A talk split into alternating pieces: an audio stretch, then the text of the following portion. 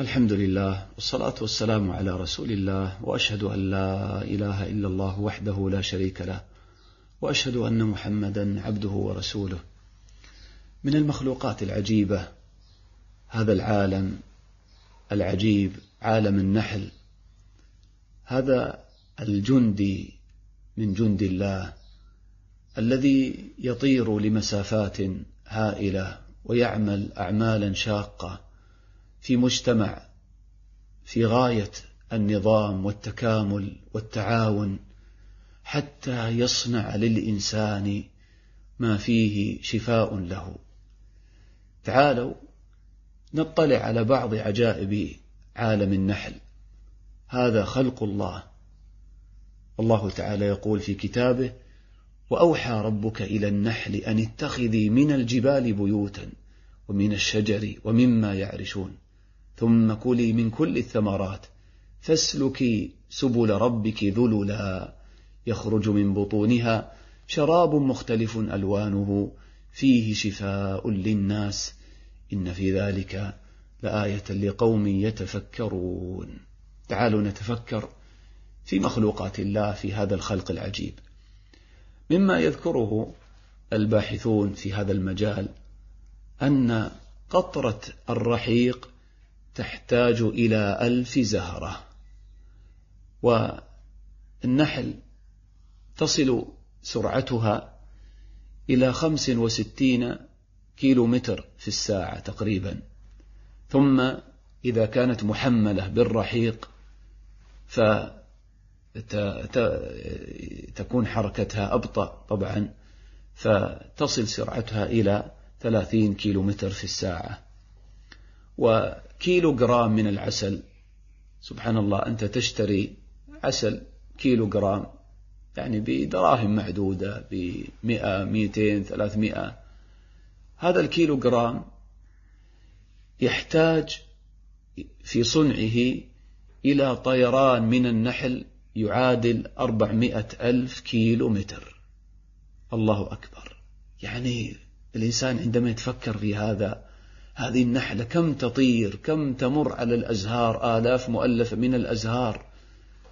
أربعمائة كيلو متر يعني هذه رحلة طويلة على وجه الأرض.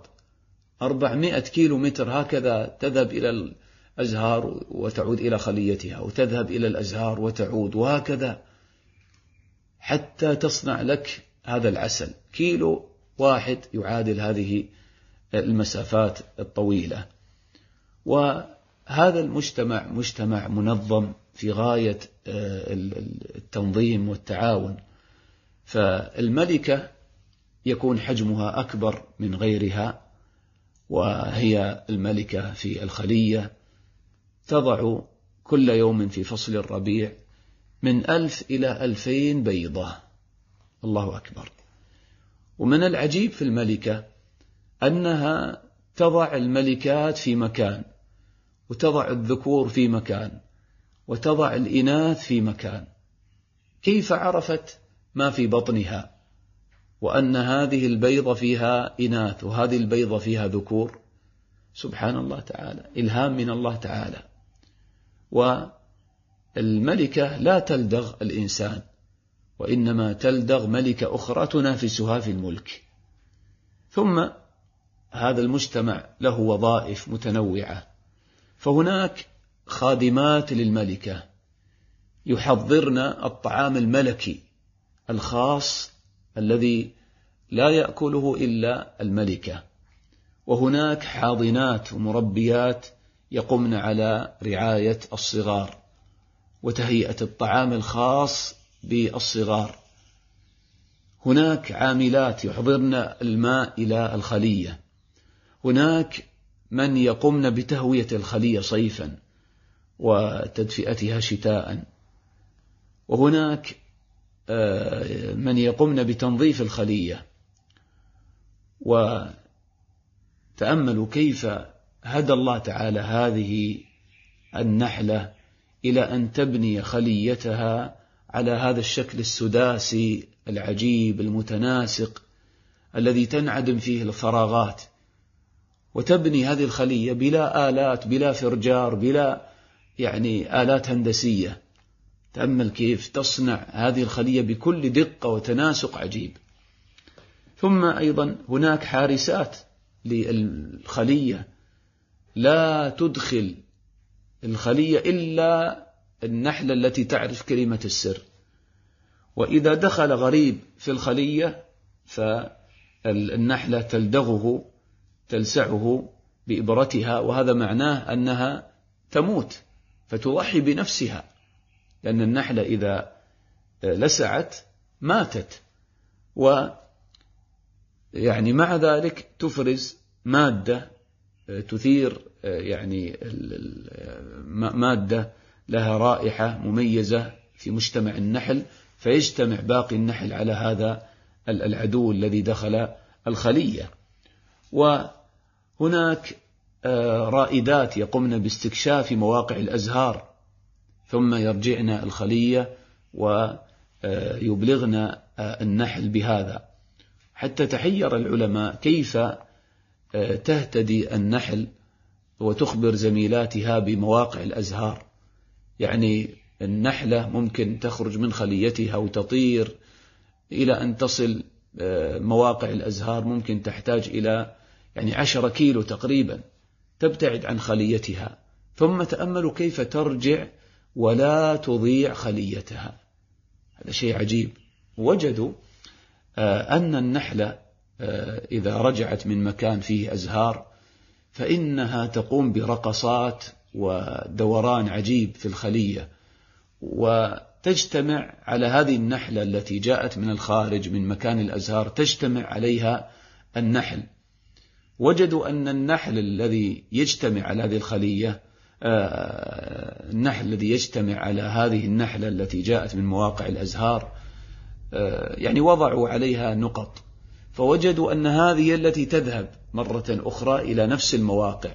يعني هذه النحلة التي جاءت من مواقع الأزهار وبدأت ترقص وتدور دوران عجيب ثم تجتمع عليها النحل كأنها يعني تخبرهم وتحدد لهم مكان آه، مواقع الأزهار بهذا الدوران وبهذا الرقص العجيب. يعني هذا أمر يعني سبحان الله من عجائب هذا العالم. وهكذا يعني الجمهرة الكبيرة في هذا المجتمع آه، هن اللاتي ينطلقن لجني الرحيق الذي هو مادة العسل الأولية. فتأملوا كيف أنها تأخذ هذا الرحيق يعني من الأزهار وهكذا آه، يعني آه، تأكل هذا الرحيق. ثم كما قال الله تعالى يعني آه، يخرج من بطونها.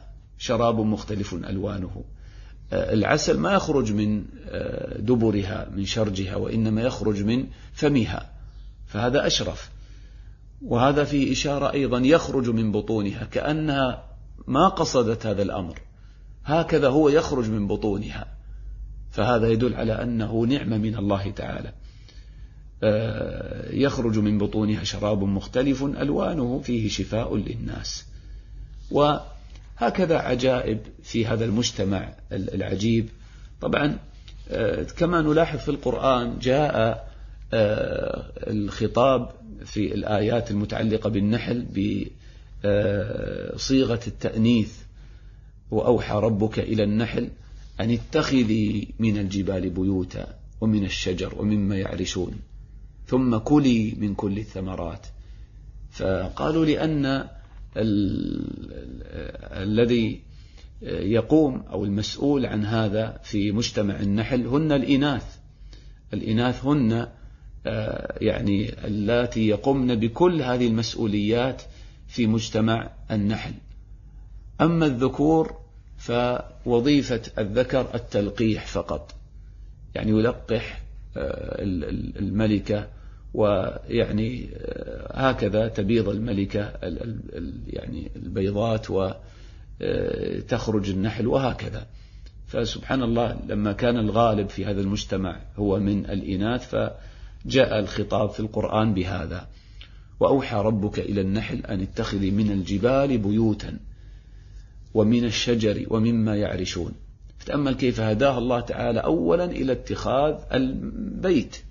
وهذا أول ما يكون للاستقرار ثم بعد ذلك يبدأ الصنع. وأيضا يذكر العلماء اليوم أن النحل آه، أو العسل الذي يكون من الجبال أفضل من العسل الذي يكون في الشجر ثم العسل الذي يكون في الشجر أفضل من العسل الذي يعني يكون في البيوت أو في الأماكن الأخرى. فأيضا هذا التدرج يعني له علاقة بنوعية العسل. ثم كلي من كل الثمرات فاسلكي سبل ربك ذللا يعني مطيعة لله تعالى. ومن اللطائف أن النحل لما أكلت من كل الثمرات من الثمار الحلوة والمرة والحامضة يعني تأكل مطيعة لله تعالى لأن الله ألهمها هذا الأمر. لا تأكل شهوة من نفسها وإنما تأكل مطيعة لربها.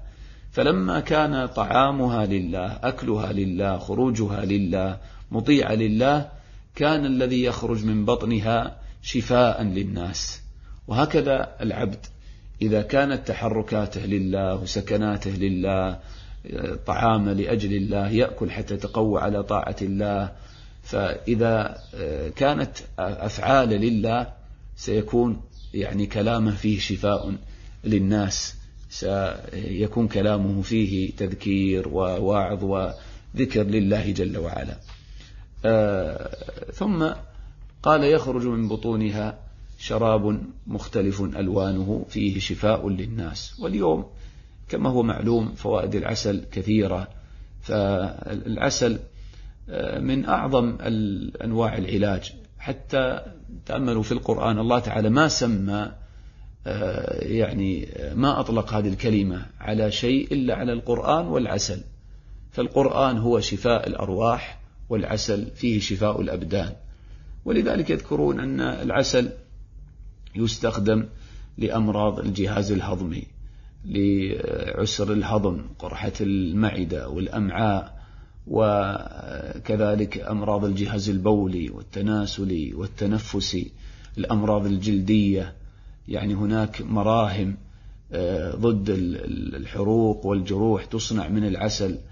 كذلك العسل آه، مفيد لفقر الدم ومقاومة نقص الحديد والكالسيوم.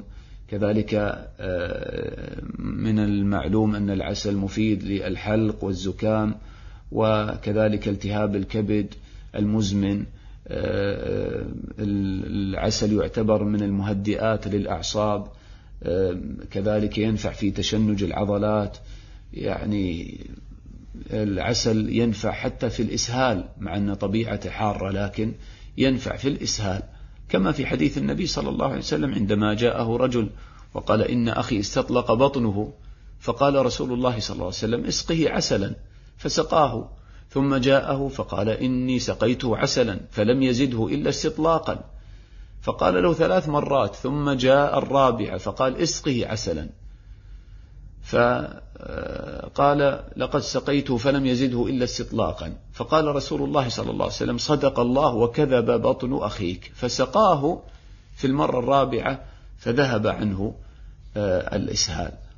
يعني سبحان الله فالمسلم يوقن بأن الشافي هو الله وأن هذا العسل هو في الحقيقة كأنه هدية من الله تعالى لعباده علاج من عامة الأمراض. فإذا هذا فيه يعني آه، لطف من الله تعالى. يعني سبحان الله آه، عندما تنظر إلى يعني هذه الآية وهذا المخلوق من مخلوقات الله حقا يعني انظر إلى الجهد الذي تبذله آه، النحلة يبذل هذا المجتمع المتكامل وأعمال عظيمة حقا كما قال الله تعالى وما من دابة في الأرض ولا طائر يطير بجناحيه إلا أمم أمثالكم. أمة من الأمم. هذا النحل أمة من الأمم. فيعني يبني الخلية ويخرج منها ويقوم بكل هذه الوظائف في النهاية. الثمرة من هذا فيه شفاء للناس. هذا العسل. لك أيها الإنسان نعم هذا كله لك. هذا العمل الكبير الدؤوب من هذه النحلة من هذا المجتمع. وكما عرفنا يعني تخيل كيلو واحد من العسل يعني يحتاج إلى 400 كيلو متر من النحل. ما هذا العمل؟ كل هذا لأجلك أنت أيها الإنسان. والله هذا مما يزيد العبد محبة لربه جل وعلا وشكرا لله وتعظيما لله. كلما تفكر المسلم في نعم الله عليه وفي هذه الآيات العجيبة يزداد محبة وتعظيما وعبودية لله. فنسأل الله تعالى أن يزيدنا توحيدا وإخلاصا ومحبة وتعظيما لربنا جل وعلا. ونحن نتفكر في مخلوقات هذا خلق الله. نسأل الله تعالى أن يغفر لنا ويرحمنا والحمد لله رب العالمين. وصلى الله وسلم على نبينا محمد وعلى آله وصحبه أجمعين.